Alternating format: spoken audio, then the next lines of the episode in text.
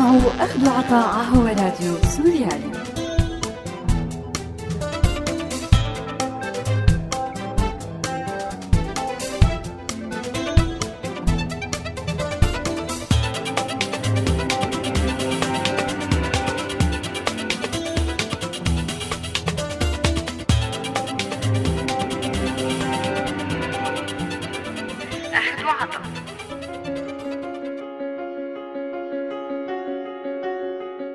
أعزائي المستمعين أهلا وسهلا فيكم. برحب فيكم أنا مايا بحلقة جديدة من برنامج أخذ وعطاء.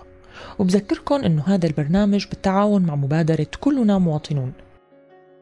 بشهر شباط الماضي أصدر المركز السوري لبحوث السياسات تقرير الربع الخامس المتعلق بتقييم وتحليل الآثار الكارثية الاقتصادية والاجتماعية للصراع المسلح الدائر بسوريا باستخدام منهجية علمية بجمع الإحصاءات وتحليلها.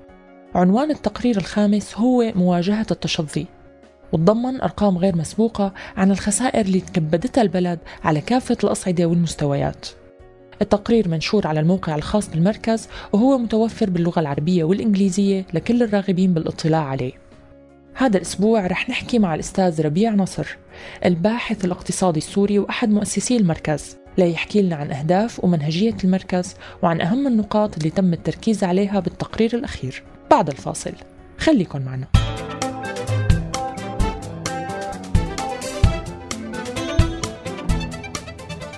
أستاذ ربيع بنرحب فيك بأخذ وعطا. ويا ريت تحكي لنا اولا عن المركز السوري لبحوث السياسات. كيف تأسس وشو هي أهدافه؟ آه، المركز السوري لبحوث السياسات هو مؤسسة آه، مستقلة غير ربحية.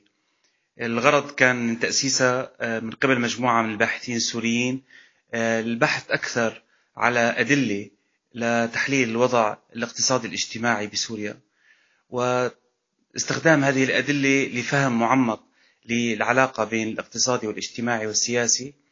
بغية وضع سياسات بديلة للمستقبل أو وضع طروحات بديلة أو تقييم الطروحات القائمة حاليا.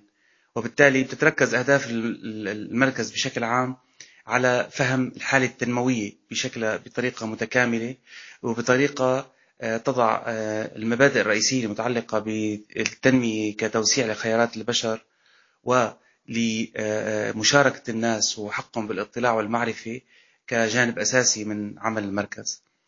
آه، المركز بيشتغل بطريقة رئيسية من خلال وظيفة البحث ووظيفة الحوار ووظيفة المناصرة. ونعمل بالتوازي على هذه الوظائف. حتى تصل المعلومة آه، بطريقة تشاركية ويتم الحوار حولها للوصول إلى أكبر شريحة ممكنة من الشعب السوري. آه، المركز آه، سعى جاهدا للحفاظ على استقلاليته من خلال الهيئة الاستشارية التي تتكون من باحثين سوريين مرموقين ومن خلال اتباع منهجيات البحث العلمي قدر الإمكان التي تتجنب التحيز. وأخيرا من خلال الاعتماد على التطوع وعلى التمويل الآتي من آه، من قبل الباحثين في المركز وبعض التعاقدات مع آه، بعض الجهات حسنة السمعة والتي لا تتدخل في آه، عمل المركز.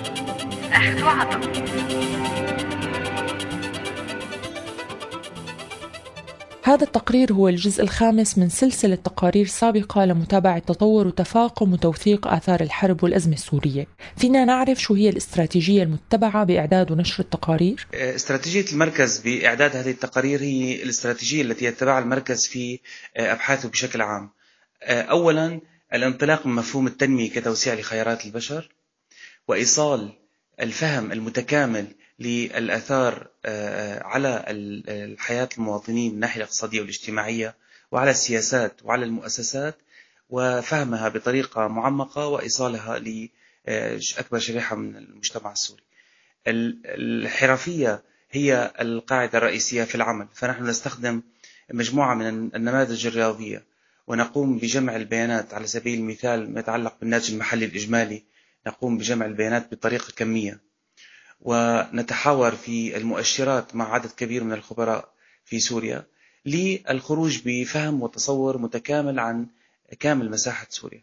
يعني لا نعمل على جزء من سوريا بل نعمل على كامل سوريا. هذا لا يعني أن دراساتنا لا تتعرض للخصوصية المناطقية في كل من آه، آه، زوايا سوريا لكن الهدف الرئيسي أن نفهم سوريا بطريقة متكاملة. ونقوم بذلك على مراحل من خلال معرفة المؤشرات الاقتصادية ومؤشرات التنمية البشرية والمؤشرات الاجتماعية باعتماد المنهجيات البحث العلمي الحديثة. ولكن أيضا هناك تطوير لهذه المنهجيات بما يتلائم مع آه، وضع المجتمع السوري. وبالتالي نعتمد على أولا بناء آه، آه، مجموعة من المؤشرات الكمية. لكن المؤشرات الكمية لا تكفي أيضا. لذلك نقوم بالتحليل النوعي وخاصة بالقضايا الاجتماعية. نحاول وضع هذه الصورة المتكاملة ووضع خلاصة لتوثيق وتقدير وفهم الحالة التي وصلت إليها البلاد ونشرها على أكبر نطاق ممكن والعمل جاهدين على آه، آه، استفزاز الأسئلة للمستقبل وكيفية إمكانية وإمكانية طرح البدائل وما هي الحلول الأجدى التي تكون في صالح المجتمع السوري لأن المركز منحاز للناس وبالتالي الأولوية هي كيف نضع آه، أو نعبر عن أولويات المجتمع السوري فيما يتعلق بالقضايا التنموية خاصة في المحنة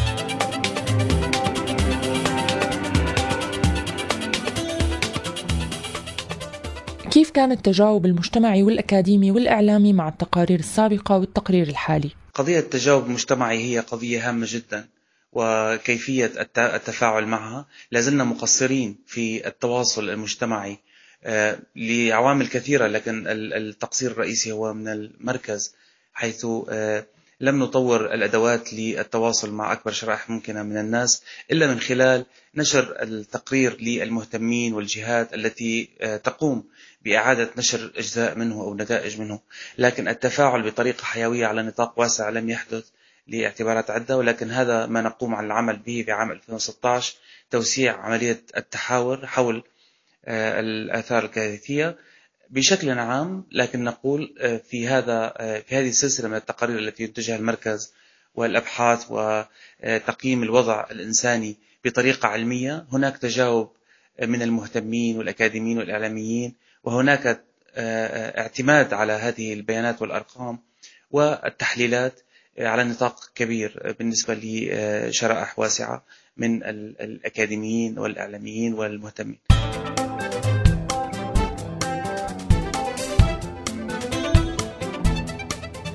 الآثار اللي سببتها الأزمة كبيرة سواء على الاقتصاد أو الصحة أو التعليم أو الوضع المعيشي.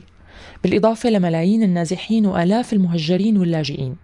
برأي المركز كيف ممكن نرتب الأولويات المتعلقة بمعالجة الآثار الكارثية؟ في الحقيقة آه، آه، هناك إشكالية كبيرة في ما هي الأولوية في آه، في ترتيب النتائج الكارثية التي ترتبت على الأزمة. لكن بشكل مطلق حياة الإنسان هي الأولوية الحفاظ على حياة الإنسان.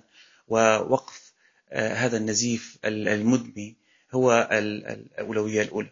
ولكن هذا لا يمكن أن يكون إلا من خلال فهم لما الديناميكية التي تطورت بها الأزمة. فهناك شيء خطير جدا تطور وهي مؤسسات المرتبطة بالعنف وخاصة المرتكزة إلى قوى التسلط. فالتحليل في المركز يحدد قوى التسلط بالاستبداد السياسي والتعصب والتطرف. وهؤلاء الثلاثة هم أعداء المجتمع وأعداء التطور المستقبلي الذي نعول عليه. لذلك فأولوية تغيير المؤسسات التي تشوهت وتمحورت حول النزاع والعنف والقتل هي أولوية أولى. هذه التغيير في المؤسسات يعني ليست مؤسسات المقصود فيها المؤسسات أي المنظمات أو المؤسسات الحكومية. المقصود هو في القواعد والآليات التي تنظم حياتنا من قبل آه، آه، مجالس أو تجمعات أو آه، قوى فاعلة على الأرض أو مؤسسات حكومية أو شبه حكومية أو مؤسسات مجتمع مدني. هذه المؤسسات التي تنظم حياتنا تشوهت إلى حد كبير وباتت تعمل بعكس الصالح العام في أحيان كثيرة. لذلك الهم الأول هو الضغط باتجاه مخرج يكون عادلا يؤسس لمؤسسات مختلفة عن القائمة حاليا. يخفف من الارتباط بعملية العنف والقتال وبالتالي يعيد للمجتمع دوره.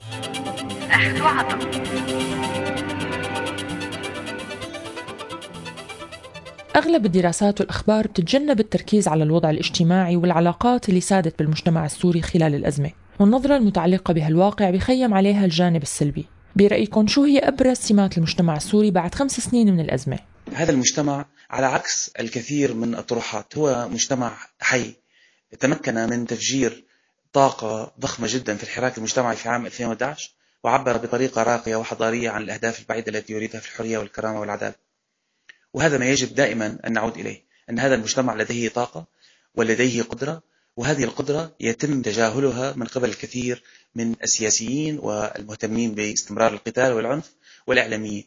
أي يتم التركيز على القوى المسيطرة من خلال السلاح أو المال بدون ذكر أهمية قوة وإمكانيات المجتمع وأولوياته التعريفية لقوى التسلط من خلال هذه الدراسات والأبحاث التي نقوم بها.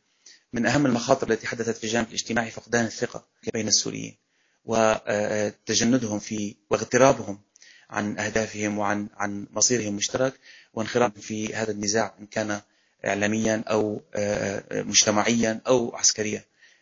الدور الكبير الذي السيطرة من خلال الخوف على الناس في مختلف من مختلف الأطراف.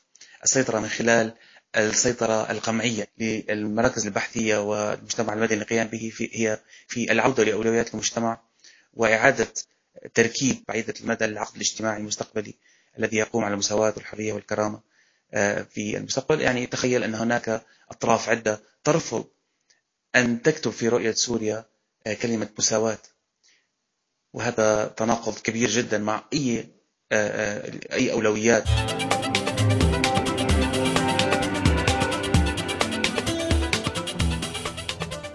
استعملتوا بالتقرير الأخير مصطلح التشظي. فيكم تحكوا لنا عن سبب اختياركم لهذا المصطلح وتشرحوا للمستمعين شو بتقصدوا فيه. اخترنا موضوع التشظي كنوع من ال ال ال ال الانقسام الحاد الذي حدث على مستوى القيم والمفاهيم والأفكار والمصالح والأسواق على عدة مستويات وليس على مستوى جغرافي فقط. وبالتالي هناك تنازع في أن آه، الأفراد والجماعات والمجموعات أصبحت خاضعة لضغط كبير للإندثار ورفض الرؤية الإيجابية آه، رفض التراكم أو العمل على آه، الخروج بحل عادل على سبيل المثال. هناك يأس كبير جدا من الخروج بحل عادل. الحل هو بيد المفاوضين بجنيف والمجتمع ليس لا دور له.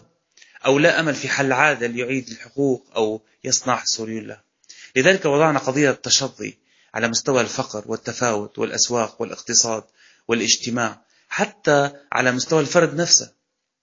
أي أن الفرد الذي يقاتل وهو يعلم أن ليس القتال لن يكون في صالح البلد على الأجل الطويل وهو يقتل سوريا آخر. وهو يعرف أن هذا الحجم من الكره الذي يقوم بحشده حتى يقوم بالقتال هو ليس الأمل وليس الحل وليس الاستقرار الذي يريده أو نريده في المستقبل. وبالتالي هذا النوع من التشظي أو الافتراق بين ما نريده وما نقوم به حتى لو كان هناك كثير من الضغوط هو حالة يجب مواجهتها من خلال إعادة التركيز على الأساسيات. على أننا على الأجل الطويل نحن شعب نريد احترام الآخر ونريد الاهتمام به ونريد بناء الرفاه ونريد العدالة وهذا لا يتحقق من خلال نشر الحقد أو الكراهية أو أو العنصرية أو أو أو الاتجار بالسلاح أو الاتجار بالبشر أو استغلال هؤلاء البشر. عم تسمعوا أخذ عطاء على راديو سوريالي. بالتقرير ما اكتفيتوا بإعداد دراسة وتوثيق الأرقام ومستويات التدهور الحاد بالنواحي المختلفة الاقتصادية والاجتماعية والصحية والتعليمية وأفردتوا فصل بنهاية التقرير بعنوان في مواجهة التشظي وقليلة هي المراكز البحثية اللي بتكون معنية بالبحث عن بدائل وحلول. شو هي آليتكم بإيجاد هي البدائل؟ وهل عندكم خطة لمناصرة هي البدائل وطرحها كخيار موجود؟ في البدائل آه، نستخدم عدة منهجيات منها الدراسات المستقبلية. أي أننا ننظر ما هي الاحتمالات التي تكون بالمستقبل ولدينا عدة دراسات حول كيفية وضع سيناريوهات للمستقبل وما هي الرؤية المستقبلية المطلوبة وهذا قمنا به بطريقة تشاركية مع عدد كبير من الباحثين لفهم ما هي المسارات الاستراتيجية للمستقبل. كيف يمكن أن تنتهي الأزمة؟ كيف يمكن أن نتجاوز الآثار التي خلفتها؟ كيف يمكن أن ندفع باتجاه المفضل بالنسبة لأولوية المجتمع السوري؟ هذه الأسئلة دائما نطرحها في كل الأبحاث ونحاول أن نقدم هذه البدائل والغرض منها أن هناك بدائل. الكل يريد أن يصور وكأن هناك حل وليس حلول مخرج واحد وليس مخارج. ونحن نقوم بطرح هذه البدائل ونقدمها للمجتمع ونحاول أن نعزز هذه الدراسات. يعني في 2016 سنقوم بنشر جزء الأكبر من الدراسات حول البدائل المستقبلية. حتى لا يتم ابتزاز أو استغلال من قبل أمراء الحرب الذين يقولون أن المخرج من خلالنا. وإذا لم يكن لنا, لنا مصلحة في المخرج فلا مخرج. وبالتالي هو تغييب كامل لحقوق ودور المجتمع وأولوياته نقوم بهذا من طريقة منهجية. كما قلت هناك دراسات مستقبلية هناك نماذج رياضية هناك آه، نوع من آه، التفاعل مع الاحتمالات المختلفة من خلال تصورات التي لما يمكن أن يحدث في المستقبل. ومن ثم يأتي دور بناء استراتيجية لكيفية الضغط باتجاه المسار الأمثل. وهذا لا يعني أن هذا سيكون بمعنى أنه سيكون بهذه السلاسة.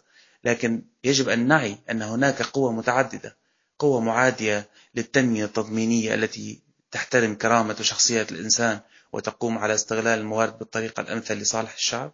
وبالمقابل هناك القوى الرافضة لهذه التنمية والقوى التي تعمل على تعزيز العنف والكراهية والتشظي هذا التفاعل بين القوى التي تريد التحسن وتريد التطور وتريد النهوض بالمجتمع السوري وبين الآخرين يجب أن يكون واضحا. أي كما يقوم المستبد السياسي بإعلان أنه سوف يستمر في استبداده يجب أن نعلن كقوة مجتمعية حية أننا واضحون ونريد الحرية والكرامة ونريد مؤسسات تحترم الإنسان وتشارك الإنسان وتقوم بتطوير الإمكانيات الموجودة في هذه البلد.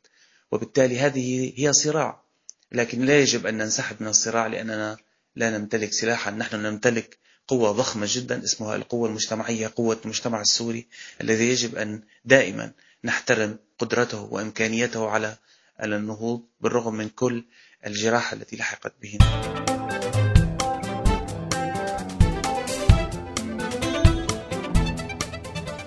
بنهاية حديثنا في شيء تاني بتحب تضيفه؟ أحب أن أضيف أني أتشكركم للاستضافة وأتمنى آه، أن يكون الحديث خفيف الظل. وشكرا جزيلا. شكرا لك.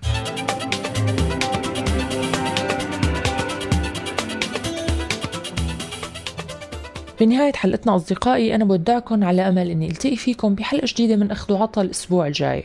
لا تنسوا تتابعونا على موقعنا سوريالي dot com وأرشيفنا دائما بتلاقوه على الساوند كلاود وولفوا علينا اف ام من هون للأسبوع القادم. كونوا بألف ألف خير. إلى اللقاء.